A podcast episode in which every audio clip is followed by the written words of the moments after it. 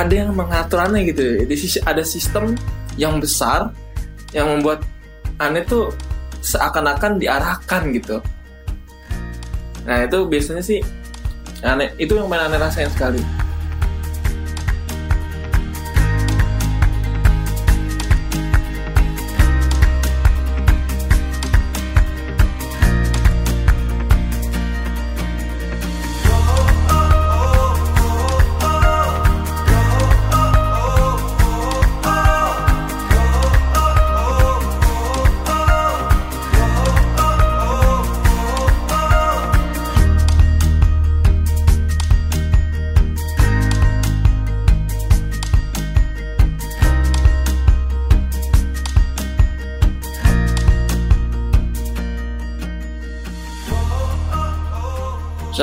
warahmatullahi wabarakatuh Waalaikumsalam warahmatullahi wabarakatuh. Akhirnya kita bersua lagi ya nih Nah, di, lagi di bocah kemarin Bocah episode kemarin. 3. episode 3 Oke. Alhamdulillah udah, sudah masuk bulan Februari Heeh. dan kita juga di bulan Februari. Kalau kemarin kan kita rekaman bulan Desember, baru di post bulan Januari, nggak apa-apa. Iya. Yang penting ada manfaat yang kita bisa sampaikan Mm-mm. hari ini. Nah, Mm-mm. manfaat apa yang pengen kita sebar hari ini, Mam? Banyak sih sebenarnya, cuma ada satu kasus, kasus yang mungkin kita bisa angkat, kita bisa sharing ke teman-teman, dan mungkin kasus ini sering atau pernah teman-teman rasain sebelumnya, dan mungkin butuh pendapat, butuh wawasan dari salah satu di antara kita, Mm-mm. gitu. Termasuk Rai lah, kayaknya Rai banyak banyak yang mau disampaikan nih kayaknya. Banyak yang pengen disampaikan. Hmm, gue sih pengen curhat, Mam. apa nih? Mau curhat apa kira-kira? Iya, kan kita channel seputar keresahan ya. Ah, Nah, sebenarnya emang lagi ada keresahan nih, pengen dicurhatin gitu ya. banyak Karena ini ya. bisa jadi Imam tahu solusinya gimana. Insya Allah sih. Kalau Kalau misalnya jadi eh, sekarang tuh lagi banyak masalah Ah, ah. di kerjaan gitu misalnya. Masalahnya tuh apa ya macam-macam kayak ngerasa kurang produktif kayak Mm, nggak ada libur tuh tiap kerja tuh dari Senin sampai Sabtu terus Minggu tuh ada kegiatan lagi. Kayak gitu. Terus habis itu kan di dunia pendidikan nih mm, kayak ngerasa tuh tiap kali eh apa tiap tiap kali kalau ngajar itu kok susah untuk jadi menyenangkan. Mm. padahal kan Iya iya iya. ininya kan murid-muridnya anak-anak kecil gitu kan. Dan dituntut untuk bener-bener aktivitasnya itu fun gitu menyenangkan segala macem. Tapi kok udah prepare sebaik mungkin masih kurang aja gitu. Tapi kok tadi ente bilang nggak produktif ya? Padahal itu kan dengan waktu yang sangat padat banget. Dan ente bisa menyisihkan waktu-waktu ente buat organisasi, terus buat nyari uang, buat keluarga. Artinya ente produktif kan? Tapi kalau ente merasa itu nggak produktif tuh kenapa kira-kira tuh? Eh, kalau produktif kan ada hasilnya kan Mm-mm. kayak misalnya Duit. bukan iya sih kalau misalnya produktif eh, misalnya seseorang yang produktif itu kayak hmm, pemusik lah kita ibaratkan sebagai pemusik ya Oke.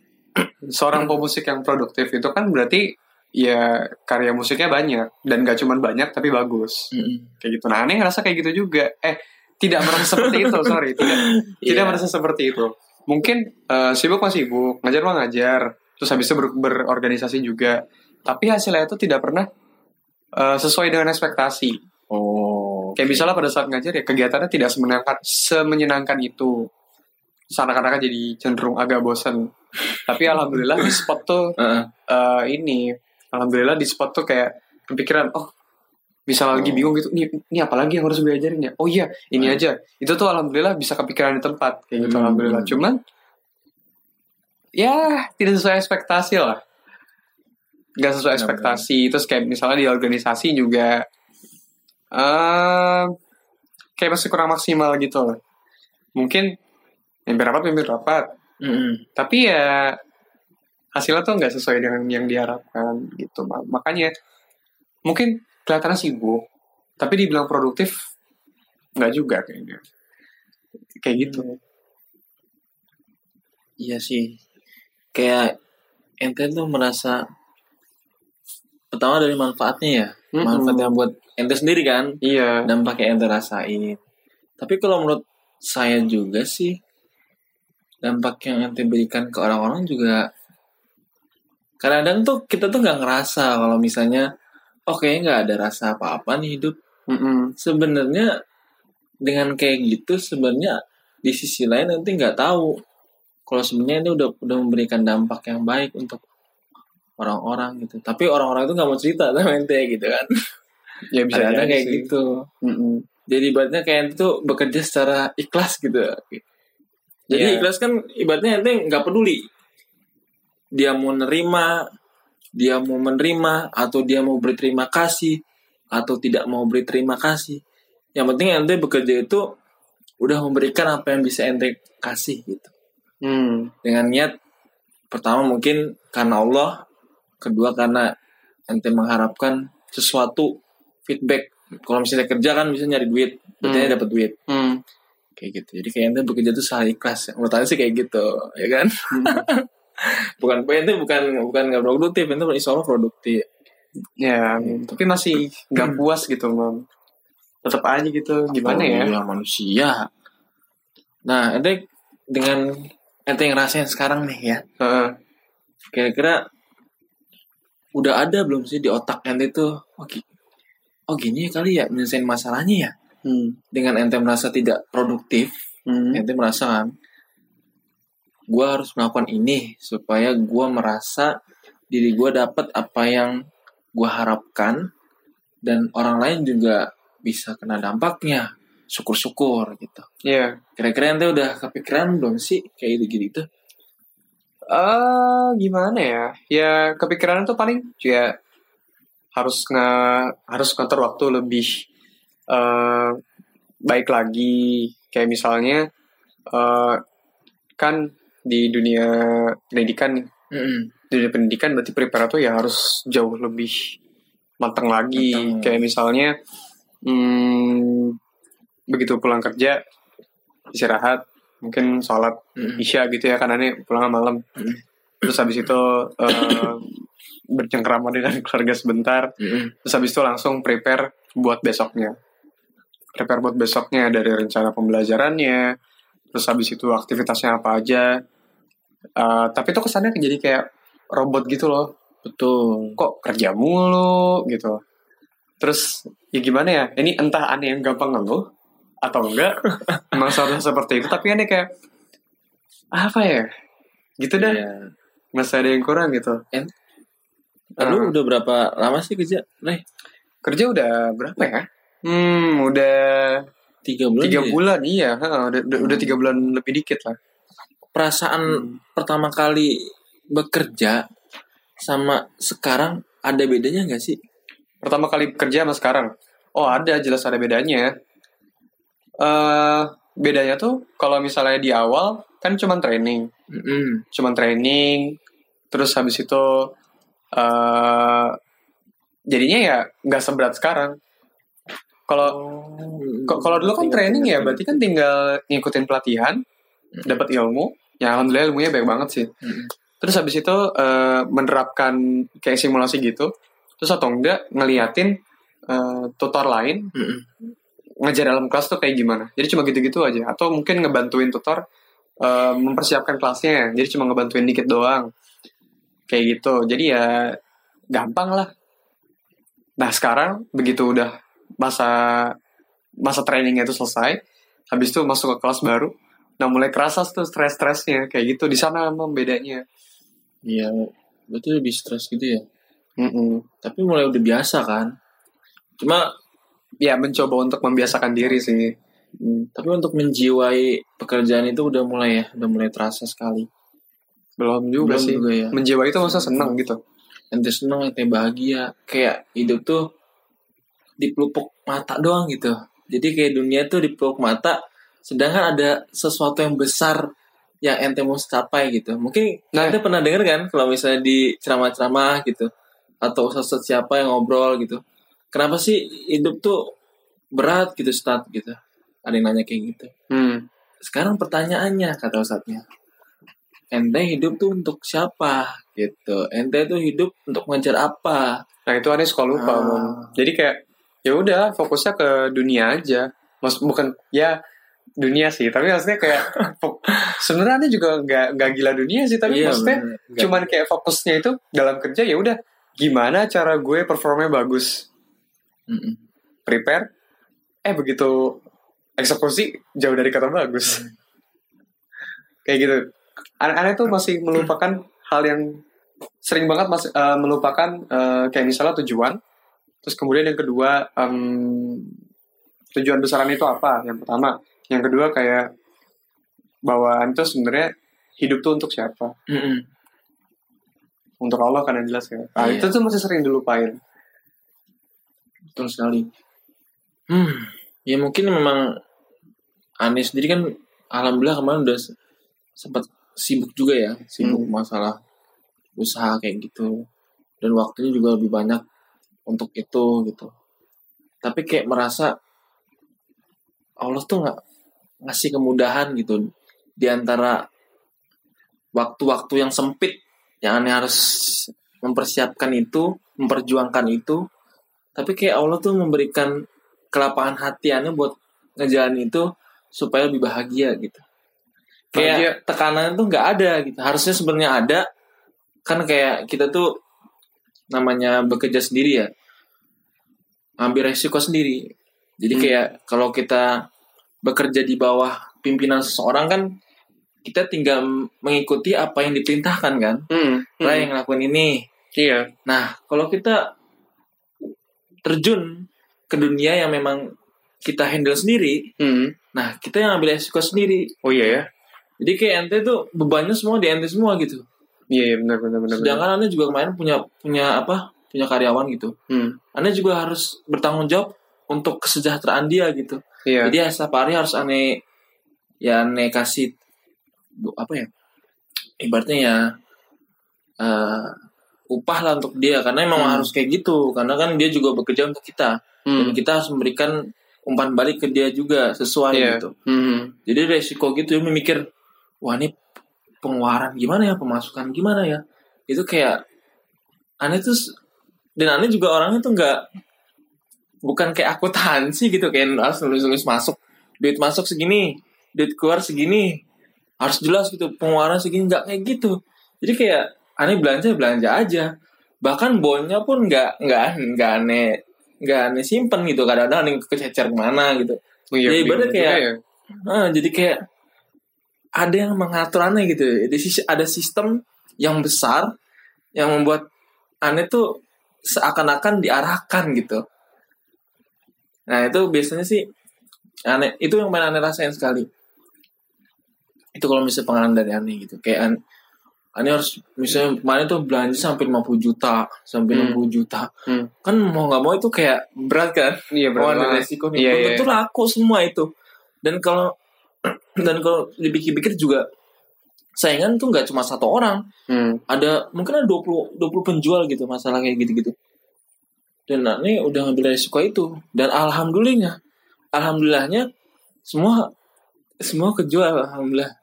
Dengan izin Allah gitu. Kayak ada sistem udah pernah cerita kan kayaknya ya tentang sistem jadi kayak ada yang mengatur keuangan kita gitu. Hmm. dan itu memang alhamdulillah Hmm. Ini, ini ini ada se sebelum kita lanjut ngomongin sistem, uh. Uh, ada hal menarik yang aneh petik nih, Mom. Uh, bahwa aneh, aneh tuh nggak kayak selama ini tuh ngerasa kayak ih hidup gue berat banget sih. Hmm. Padahal sebenarnya jauh dari kata berat. Dan salah satu pers perspektif lain yang aneh dapetin dari uh, ini kan usaha sendiri ya. Hmm. Aneh tuh nggak pernah kepikiran bahwa orang yang usaha sendiri tuh bener-bener uh, semua hal itu tuh fokus di diri sendiri. Maksudnya gimana ya? Uh, tanggung jawab tuh bener-bener di diri sendiri banget. Hmm, betul. Uh, yang buang eh apa ngorbanin modal. Hmm. terus ngo- uh, apa pertama ngorbanin modal yang banyak. Terus kemudian yang kedua mikirin kesejahteraan karyawan. Terus habis itu mikirin pesaing. Itu kan Pesaing. bener-bener semuanya itu kan jadi beban yang menumpuk untuk diri sendiri banget kan. Karena tuh nggak pernah nemu perspektif yang kayak gitu tuh. Dan aneh jadi ngerasa bahwa wah kalau selama ini tuh ngerasanya kayak gini ih imam mah enak kerjain di rumah jadi tiap hari eh, apa karena kan usaha sendiri kan kerjanya di rumah ya ini jadi curhat beneran nih. Apa kayak oh imam mah enak kerjanya di rumah Eh, setiap hari ketemu orang tua dan adik-adik kayak gitu kan. Gue mah jarang pulang terus habis itu eh, apa namanya kayak kayak nggak ada liburnya gitu. Padahal sebenarnya bisa jadi yang kita alami itu jauh lebih berat lagi daripada Hmm. Ani soalnya benar-benar semuanya itu di beban hidup sendiri gitu betul sih ini belum pernah uh, aneh pahami sebelumnya. Ini perspektif yang baru banget. Oke, nah sekarang kita coba lanjut ke sistem yang seolah-olah mengatur hidup an, eh, Ah. hidup ente eh, sendiri tanpa ente sadarin gitu. Tiba-tiba bener-bener semuanya kejual aja, Mm-mm. semuanya laris aja gitu. Nah bisa diceritain nggak kira-kira itu masa sistem apa sih? Nah, sistemnya ini wah luar biasa sih sebenarnya. Jadi memang itu aneh mulai dari bulan Oktober kan Hmm. usaha ini. Dan ini kayak ngerasa kok hidup aneh kok nggak produktif, ngeliatin orang lain udah dapat kerja, padahal baru lulus. Hmm. Banyak sih teman-teman. Jadi kayak ada perasaan iri kan, iri Hmm. iri terhadap teman gitu. Mm-mm. Padahal nggak boleh kan perasaan kayak gitu. Karena setiap orang kan punya waktunya masing-masing kan Hmm. dan dimensinya juga beda gitu jadi nggak bisa kita bandingkan kehidupan kita dengan kehidupan kehidupan orang lain kan Yang gitu dari situ aku mikir ya Allah Imam bingung ya Allah harus ngapain ya kira-kira ya karena ini kan jualnya detik-detik Hmm. awalnya tuh detik-detik doang guys dua tahun yang lalu tuh udah detik-detik dan detik-detik itu baru mulai itu bulan-bulan akhir November masuk ke Desember Hmm. itu bulan Oktober. Dari situ aku mikir, ya Allah, apa yang kira-kira yang Imam bisa lakuin sehingga Imam bisa produktif di bulan Oktober ini. Jadi nggak sibuk ngeliatin timeline teman dapat kerja sedih gitu. apa ya kira-kira ya? Dari situ kayak Allah tuh ngasih ide buat aneh. Kenapa nggak aneh coba ekspansi produk aneh supaya Ani bisa jualan lebih cepet Hmm. dari yang sebelumnya gitu. Nah, terus terus. Dari situ Ani coba ini research research market gitu. Hmm. Jadi Ani coba cari apa ya kira-kira produk yang sangat diminati dan kurang diminati sama orang-orang gitu. Karena Ani bergerak di bidang buku ya, di book gitu. Ah, dapat namanya Waksit tuh ya.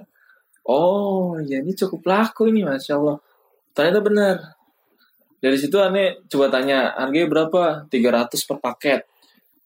Kalau beli 100, berarti 30 juta. Ya Allah, gede banget itu kan. Sedangkan tabungan aneh kan, ya kalau misalnya aneh beli 100 gitu ya tinggal dikit gitu kan. Hmm. Dari situ, ya Allah laku gak ya ini? Karena aneh lihat juga, Iya, pasti karena aneh, aneh, banget lah. iya, aneh jualan di Iya. Tokopedia Hmm. sama Shopee kan. Hmm. Ini nggak apa-apa ya, langsung ini aja frontal. di Tokopedia, akhi, dia ada satu penjual, di mana penjual itu memang penerbit itu sendiri. Kebayang gak ente? Oh jadi saingan, Ah, jadi saingan- saingan lo itu Iya, benar-benar penjual dari yang nerbitin buku itu sendiri. Betul. Oh iya. Dan dia sudah terjual seribu bu, seribu paket. Hmm. Dengan kalau misalnya di Tokopedia ada bintang-bintang gitu kan, Iya. ulasan. Udah sampai 200 Dua ulasan. ulasan. Hmm. Dan aneh baru masuk. Ibaratnya kayak siapa sih lu? Gitu kayak Iya. kayak ibarat kayak kerajaan dan ini masih masih rakyat rakyat kecil gitu. Coba untuk naik ke ke atas gitu. Hmm. Dari situ Ani temenin Pandu itu. Kita coba ya kita analisis pasar apa yang kira-kira pasar butuhkan dan kira-kira apa yang kira-kira pasar itu belum belum ada space yang masih kosong buat kita masuk gitu. Hmm. Demand apa yang kira-kira bisa kita masuk. Dari situ Ani mikir, mereka kan rata-rata penjualan di Cilegon. Ya kan? Oh. dan di Jabotabek tuh belum ada. Iya, nah, iya, iya, di situ iya, iya. nilai yang nilai jualnya di situ. Mhm. Dan kurang keduanya secara tampilan produk mereka tidak menarik sama sekali. Untuk kualitas barang memang bagus, tapi untuk interface dia, untuk uh, user interface ya kayak misalnya yeah, yeah. tampilannya kan. oh gitu kayak nggak nggak menarik banget sih gitu yeah. dari situ iklannya ah, mungkin ya iklannya ah. dari situ oh dua celah ini aneh manfaatkan gitu itu berawal dari aneh berdoa sama Allah gitu kayak Allah tuh ngasih jalan supaya imam ngelakuin ini imam ngelakuin ini walaupun kadang-kadang malas kayaknya ya Allah berat banget ini. Kayak aduh kayak gitu itulah ki. Sedangkan aneh udah beli udah beli 30 juta itu kalau bukunya aneh nggak semangat ini pasti rugi berat ini. Itu mau diapain? Mau aneh mau aneh buang gitu mau aneh buat tatakan yeah, yeah. tidur gitu kan nggak hmm. mungkin gitu kan. Dari situ berjuang ki. Dari mulai naro aja dulu naro kok belum ada yang mesen sempet kayak gitu ya? Langsung bingung oke terus coba-coba lihat lagi scroll lagi. Eh akhirnya dapet satu tuh seminggu itu seminggu seminggu kemudian itu baru lagi. Yeah. jadi seminggu kemudian baru dapet satu. Nah hmm. di situ orang sudah syukur lagi ya Allah. Sudah syukur. Jadi sujud syukur langsung gitu. Dapat satu pesanan. Eh alhamdulillah naik lagi naik lagi naik lagi naik lagi. Sampai pada akhirnya dari mulai itu kan ada kurang lebih ada 20 seller ya hmm. dan peringkat pertama tuh yang penerbit itu sendiri yeah dari mulai aneh peringkat bawah sampai akhirnya sekarang peringkat kedua. Wow. Nah, itu di situ nilai. Jadi kayak aneh diatur supaya untuk melakukan sesuatu dan alhamdulillah emang bisa bisa menyaingi dari pendiri itu sendiri. Tapi itu nggak semata-mata nih nggak ngelakuin apa-apa. Jadi dari situ ada beberapa uh, hal yang mungkin kalau kita mau sukses gitu hmm. pertama memang benar kita harus yakin dengan potensi yang kita punya hmm. karena setiap manusia kan dilahirkan sama ya yeah. harusnya sama semua kan tidak dibedakan sama sekali kan ada yang punya kelebihan di sini ada yang punya kelebihan di situ gitu. yang kedua kita harus yakin bahwa kita punya Allah gitu kita yakin kalau kita tuh zat yang paling lemah gitu hmm. dan ada zat yang paling tinggi yaitu Allah hmm. dan dengan kita yakin seperti itu apa pun masalah yang kita hadapin pasti akan mudah gitu. contohnya tadi itu dari ketidakyakinan dengan aneh baru masuk makanya mereka berjualan mulai dari bulan Juni aneh masuk bulan Oktober Oh iya. Dari situ jauh banget ya ber ah, bedanya berapa bulan sih tuh Juni, Juli, Agustus, September. Beda beda 4 bulan ya. Beda 4 lumayan tuh gede. Hmm. Dari situ kalau ente yakin kalau bahwa Allah itu bakal bantu ente, Allah pasti bantu ente. Dan yang ketiga ikhtiar. Jangan pernah berhenti itu.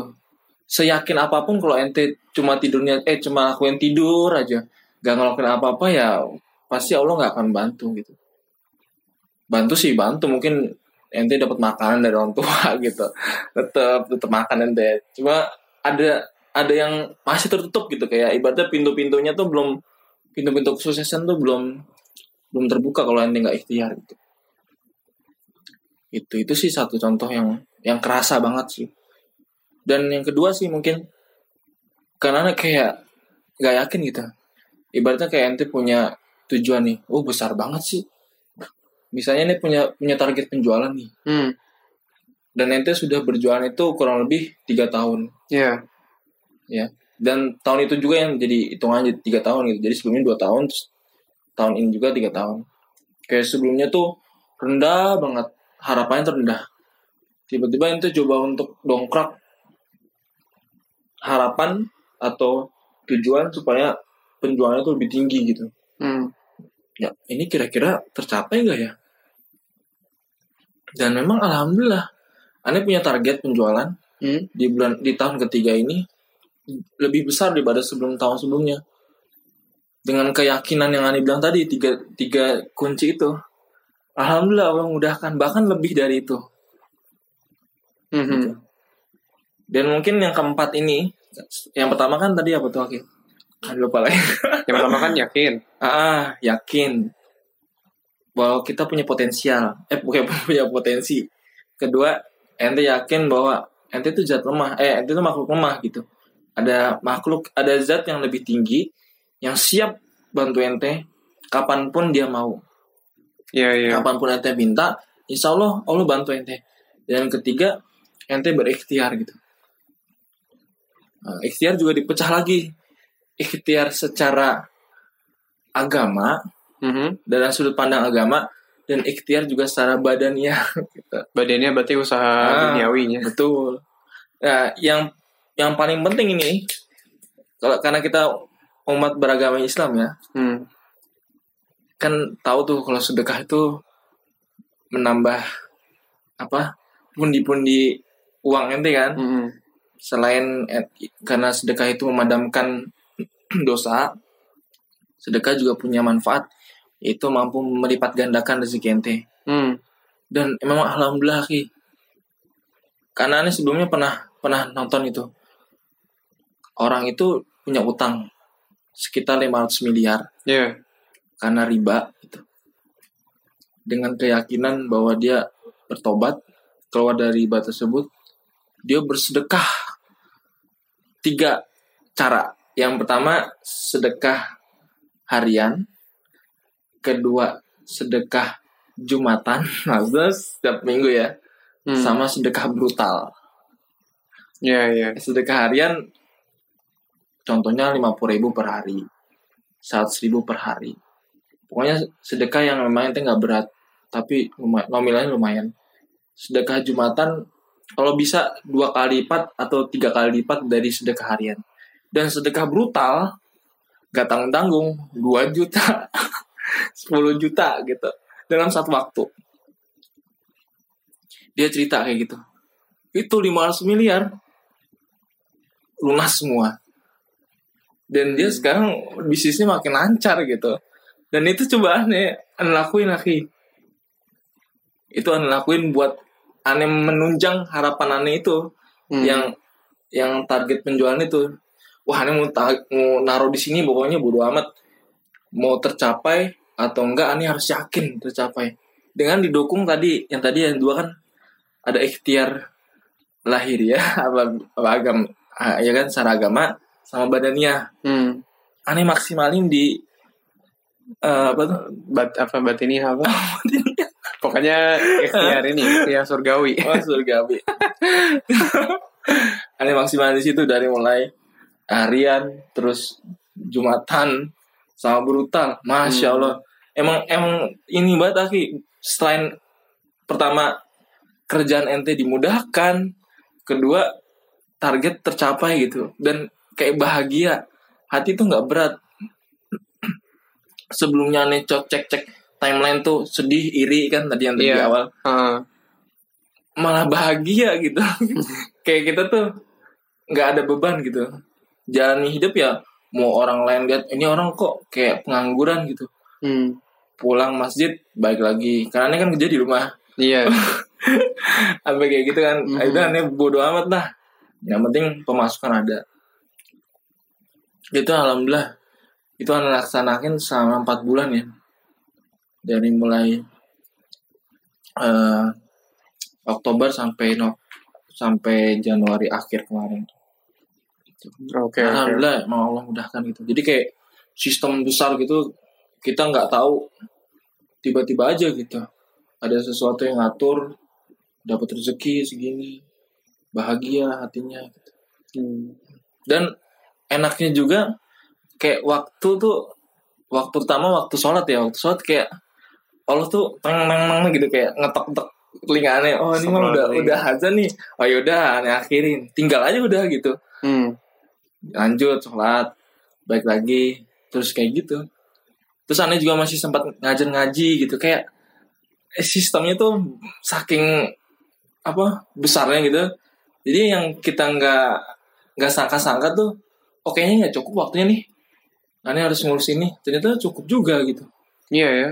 selain ya ya selain yang ente dapat dunia gitu alhamdulillah akhirnya masih Hmm. masih ke cakup gitu. Itu alhamdulillah. Itu memang alhamdulillah dan aneh pengen ngetes lagi nih masa kalian sekarang lagi memperjuang kita kan lagi memperjuangkan CPNS ya Oh iya. nah, ya. kalian mau coba untuk Tuh. keyakinan itu dengan melakukan yang tadi lahiriah dan batin ya itu Insya Allah. Oke, oke. kita lihat Lahir nanti, ya. nanti kita sharing lagi kalau misalnya setelah CPNS nanti Aduh, menantang. Oke, oke, oke. Tapi sebentar deh, sebelum kita terlalu jauh, Eh, tadi ada ada ada satu hal yang gue garis bawahi. Eh, sebelum mulai ikhtiar, itu tuh lo ente tuh sering banget ini apa menyebut tentang yakin, yakin dan yakin kayak gitu. Eh, sebenarnya yakin ini diwujudkan dalam bentuk apa sih? Dalam bentuk doa atau kayak gimana ya? Karena eh, kalau misalnya bercermin untuk eh, diri sendiri ya, itu tuh kayak ngerasa bahwa memang diri ini nggak yakin gitu, nggak yakin bahwa Allah tuh bisa nolong. Padahal kan Allah gitu, maha segalanya, masa nggak bisa? Gimana ya? Sebenarnya nggak nggak frontal menganggap bahwa Allah itu nggak bisa, tapi secara nggak sadar kayak malah ujung-ujungnya balik ke diri sendiri lagi gitu loh. Oke, lu performa ngejarnya jelek, berarti ya udah salah lu. Emang bener sih, maksudnya gimana ya? Eh kayaknya udah se- se- segala sesuatu tuh ditentukan oleh diri sendiri. Ditentukan oleh diri sendiri, tapi tidak ada zat lain yang bisa membantu gitu. Secara nggak sadar itu tuh eh, terjadi aja gitu. Oke, ya udah berarti emang diri sendiri banget gitu. Bahwa diri sendirilah yang harus eh, perfect, diri sendirilah yang harus eh, menjadi sempurna. Padahal sebenarnya kalau menurut cerita yang tadi ya, padahal sebenarnya ada yang bisa membuat eh, diri kita tuh mendekati sempurna. Gimana ya? Aduh, salah ngomong nih. Pokoknya tuh ada ada ada zat lain yang bisa membuat kita tuh jauh lebih baik lagi gitu loh. Jadi nggak full diri sendiri doang. Ah, gitulah. Hmm. Nah, jadi kayak selama ini tuh eh gue itu kayak ngerasa bahwa segala sesuatu tuh yang nentuin ya udah diri sendiri oh iya secara nggak sadar gitu loh. Nah, bisa diperdalam lagi nggak nih, Mam? Yakinnya tuh dalam bentuk apa sih? kalau dari Ani ya Hmm. Mudah-mudahan sih ini pertanyaan ini bisa menjawab keresahan yang terasain Hmm. tapi mungkin kayak kurang gitu kayaknya sih. Ya. kalau di di perspektif aneh untuk yakin ini ya yakin bahwa pertama yang tadi potensial potensi yang dia punya dan kita memang pertama memang melihat kita harus optimis atau pesimis gitu. Kalau bisa arahkan perasaan kita ke optimis karena Wow. ah, pertama optimis kita optimis wah gue mah bisa lah anak UI gitu kayak kayak kita tuh membanggakan di sini untuk supaya menunjang keyakinan yang kedua gitu yaitu Hmm. keyakinan kepada Allah kan biar kuat gitu dari diri kita sendiri karena kan internal itu sangat sangat berpengaruh ya hati itu kan namanya kerja tubuh kita kan ditentukan oleh hati kan dari hati baru kepikiran kan Hmm. kalau hatinya jelek ya udahlah semua apa pun kegiatan apa pun yang mau kita lakukan pasti kan mood atau enggak mood gitu kan Hmm. itu tergantung hati Iya. kalau hati kita sudah terbenahi apa pun yang mau ente capai sesulit apa seimpossible apa itu akan jadi possible Wow. dengan Iya. syarat ente nggak sendiri Maksudnya? maksudnya ente yakin bahwa ada yang bantuin ente Hmm. gitu. Tapi dengan dengan beberapa cara gitu. Kalau kita cuma yakin tanpa harus berdoa, eh tanpa berdoa, kalau kita yakin tanpa beribadah, kalau kita yakin tanpa melakukan sogokan ibaratnya kayak sedekah gitu. Sogokan gitu tanpa kita melakukan kebaikan untuk orang lain kayaknya mustahil gitu oke. Jadi ibaratnya ente yakin sama Allah, Hmm. tapi kalau ente nggak sholat, kalau ente nggak berdoa, kayaknya Allah tuh nggak bisa bantu ente gitu. Itu yang saya rasain. Karena kan iya ya, logika sederhananya tuh kayak eh ada seseorang yang bisa ngasih bantuan, Hmm, betul. tapi kita nggak mau nggak mau minta bantuan, ya gimana mau dibantu gitu. Betul. Kayak Logikanya. yakin, wah dia akan bantu gua. Dan ente diem aja gitu, Hmm. nggak nggak nggak nyamperin, Iya, iya, Nah, iya. kayak Hmm. gitu. Hmm. Itu. Jadi kayak yakin tapi ada ikhtiar buat buat menjemput keyakinan itu hmm. gitu kan dan itu kalau misalnya ente bisa ngelakuin itu semua misalnya dari sedekah sholat berdoa menolong orang lain itu paling orang lain juga sangat berpengaruh itu sama bantu orang tua itu li, lima Insya Allah lima aduh ya Allah bantu orang tua ya uh. ya ya ya ya ya pokoknya semakin ente membuat hati orang tua itu semakin senang kan biasanya senang pasti doain yang terbaik kan buat anak Iya. Itu semakin mudah jalan ente insya Allah. Hmm. Karena banyak cerita yang orang-orang sukses tuh pasti di belakangnya dia memuliakan orang tua. Kalau ente tahu siapa yang namanya? Vino Vino siapa ya? Vino Gebastian. Bukan ada. Siapa? Dia miliarder itu. Ternyata memang di belakangnya dia sama orang tua baik banget. Dia jadiin orang tua tuh kayak ratu gitu buat buat kehidupan dia. Masya Allah. Kalau misalnya lihat orang sukses tuh pasti belakangnya dia berbakti sama orang tua biasanya kayak gitu hmm. itu kayak jadi kayak keyakinan itu butuh ente jemput kalau menurut aneh kan versinya lima lima lima lima parameter itu kan dengan lima parameter itu yang tadi pertama ente beribadah dengan baik ente berdoa dengan sungguh-sungguh ente bersedekah ente menolong orang sama memuliakan orang tua. Dengan lima itu insya Allah yang ente harapin yang tadi impossible jadi possible tuh pasti terjadi. Itu keyakinan sih. Berawal dari keyakinan tindakan langsung bisa dilakukan gitu. Iya iya betul betul ya sih tentang keyakinan ini sebenarnya kayak gue tuh udah dapat ilmunya hmm. bukan iya kayak sombong banget ya bahasanya maksudnya kayak udah pernah ada seseorang yang ngingetin uh, gue tentang keyakinan ini hmm. bahwa kalau misalnya uh, kita mau berdoa sama Allah, ya harus yakin bahwa uh, Allah itu bisa bantu. Masalah kita tuh bisa selesai dengan benar-benar berharap sama Allah gitu. Ini tuh cuma tahap pertamanya doang, tapi kalau tahap pertamanya dalam yakin uh, untuk berdoa sama Allah itu nggak ada, hmm. ya gimana mau dibantuin? Ibaratnya kayak uh, uh, gue mau minta imam untuk uh, ngedesain gitu ya hmm. ngedesain apa lah ya ngedesain iklan misal oke okay, mam tolong desainin ini oke okay. terus habis itu tapi malah di tengah perjalanan tiba-tiba gue bilang ya nggak yakin gue imam uh, mampu nyelesain. Pasti imam tersinggung dong. Iya pasti. Nah kayak gitu imam aja tersinggung gimana? Gimana Allah yang kita minta tolong gitu kan? Kita uh, awalnya minta terus tiba-tiba di tengah jalan kita kayak nggak yakin bahwa Allah tuh bisa bantu. Ya kita nggak nggak bilang Allah kayaknya saya nggak yakin Allah bisa bantu saya nggak. Uh, kalau misalnya dalam kasus gue ya gue nggak gue nggak mungkin ngomong kayak gitu. Hmm. tapi kayak selesai berdoa misalnya berdoa uh, misalnya berdoa diterima CPNS lah misal hmm. nah begitu pas berdoa mah yakin tapi begitu selesai berdoa kayak ya udah hilang aja gitu doa-doa yang uh, diucapkan tadi itu cuma bertahan pada saat selesai sholat doang. Begitu udah selesai dalam kadeka, udah selesai berdoa, balik ke diri sendiri lagi gitu. Melupakan apa yang gue minta ke Allah tadi. Hmm. Melupakan bahwa Allah itu pasti bantu. Ujung-ujungnya ke diri sendiri lagi, diri sendiri lagi. Wah, gue kurang belajar. Wah, gue kurang ini, kurang ini, kurang itu. Jadinya ya, ya gimana mau bantu? Gue aja nggak yakin. bahwa yang dimintain tolong bisa bantu. Jadi emang uh, fokusnya emang harus banget ini sih apa? Har kalau misalnya yakin ya harus yakin. Kalau misalnya berdoa harus yakin bahwa emang itu emang Allah tuh bakal bantu. Hmm. Tapi pernah gak ente dapat uh, kejadian gitu efek dari keyakinan hal, -hal kecil aja kira-kira ada gak? Hal kecil, uh, bahkan ada loh. Jadi gue gak sedih sih sebenarnya. Uh, udah tahu loh, udah tahu resepnya, udah tahu ilmunya, tapi sering lupa gitu ya. Sering lupa. Padahal pernah kejadian juga.